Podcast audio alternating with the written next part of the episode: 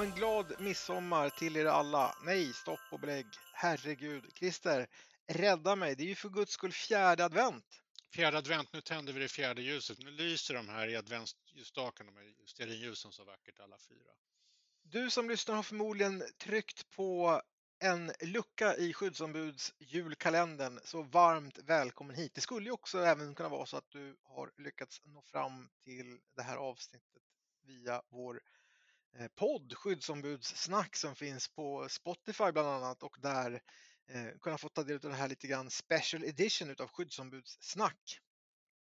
Hur, hur, går det för, hur går det för oss på Spotify? Eh, ja, men det är listettor överallt. Ja. Nej. Svårt Nej. att hantera.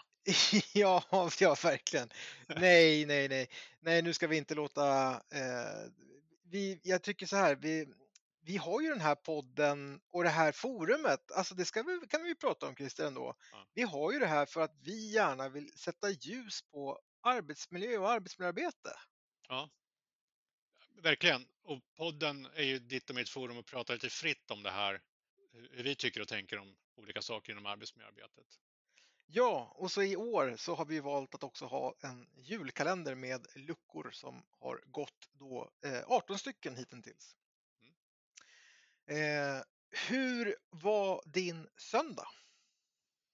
Ja, min söndag är bra fortfarande. Den är inte över än. Så att, Nej, det är ju sant i och för sig. Det är lite sent när vi spelar in. Men ja.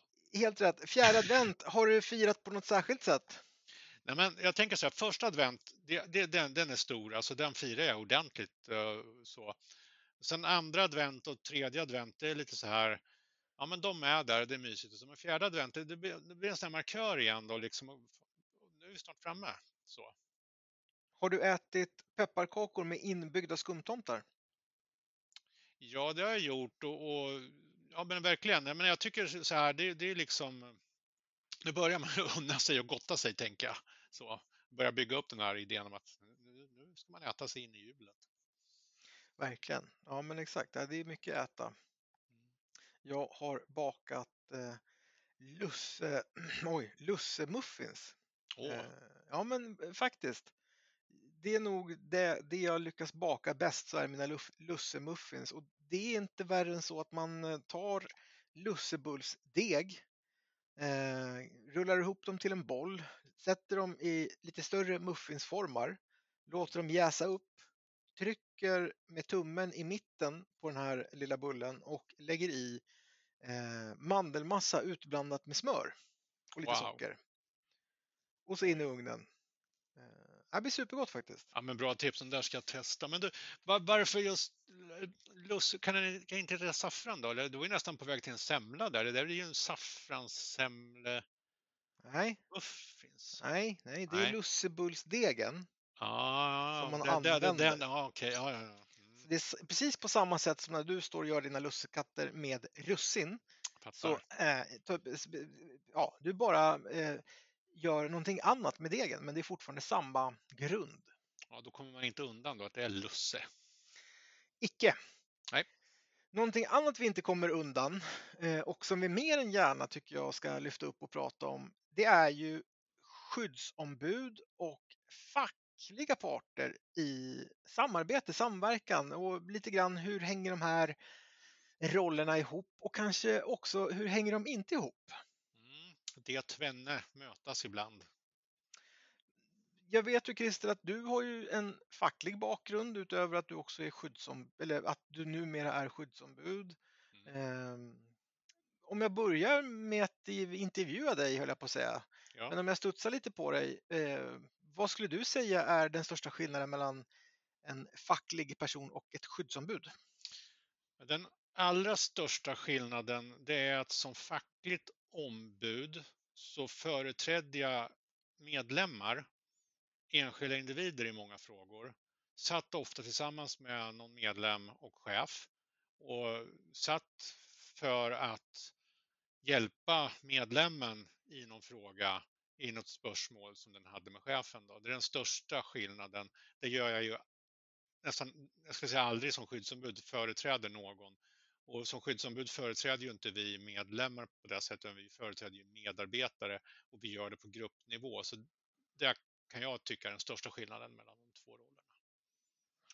Precis, och sen utgår fackliga personer i eh, medbestämmandelagen och skyddsombud utgår ifrån arbetsmiljölagstiftningen.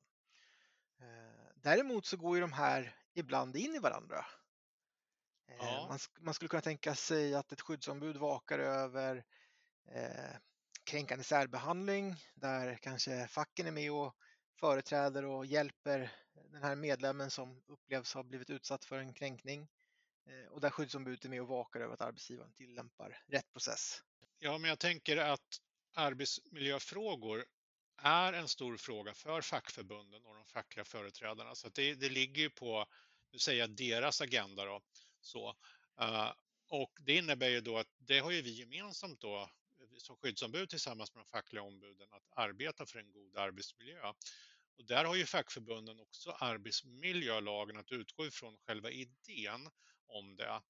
Uh, så så att vi, vi har ju ett gemensamt ämne att förhålla oss till och samarbeta kring. Det är ju, det är ju arbetsmiljöarbetet. Ja men verkligen och vi möts ju, eh, om, om inte annat så möts vi oftast i en skyddskommitté. Ja. Sen kan det ju vara så att man har, ja, men som vi på Arbetsförmedlingen till exempel, där har ju de fackliga parterna med arbetsgivaren ett samverkansavtal, det vill säga de, de har medbestämmandelagen i grund och botten där någonstans, men de har kommit överens om, och nu får du väl, det här är inte mitt expertområde, nu får du verkligen skrika till här Christer om jag uttrycker mig fel, men de har kommit överens om hur de bättre ska kunna tillämpa samverkan på det istället för att förhandla om varje enskild sak. Ja, men så kan, det, det, det, det, kan jag köpa det uttrycket att eh, jag brukar likna det vid ett Windows, ett fönster så att säga. Samverkansavtalet lägger man som ett fönster och det är det man ser. Alltså tittar man på samverkan så ser man samverkansfönstret bakom det och det ser man inte. Det ligger, där ligger ju medbestämmandelagen och snurrar och en drivkraft så att säga som reglerar förhållandet mellan fackförbund och arbetsgivaren. Men man har liksom tagit ett steg från det och har samverkansavtal som bygger på den här lagen. Då. Och det är samverkansavtalet man ser idag, ett Windows, ett fönster. På Arbetsförmedlingen eller i Arbetsförmedlingens samverkansavtal så är skyddsombud inbjudna då i eh, MBL-samverkan. Så när man på en enhet eller en avdelning eller till och med på myndighetsnivå eh, har facklig samverkan med arbetsgivaren så är skyddsombud medbjudna in i det och har också då röster och pratar och så vidare med dialogen. Jag vet inte hur särskilt vanligt det är, Christer. Att ha samverkansavtal? Ja. Jo, men det är vanligt. Det, det är gängse. Det är gängse till och med. Ja, sen kan man säga upp dem och då landar man i MBL. Den ligger alltid där, så det, det, det är någon slags skyddsnät, fångsnät för, för facken och arbetsgivaren. Att lyckas man inte med samverkansavtalet så då går man tillbaka till MBL som är grunden. Då. Men samverkansavtal är vanligt idag i, i arbetslivet. Skulle du påstå att det är vanligt att skyddsombud är medbjudna också? Ja, det vet jag faktiskt inte. Jag, jag har bara erfarenhet från vår egen verksamhet från Arbetsförmedlingen där vi bjuds in på det här sättet. Ja, det, det var en bra fråga Mattias. Det måste jag nog göra en, en spaning på hur, huruvida skyddsombud på andra arbetsplatser är inbjudna på det här sättet.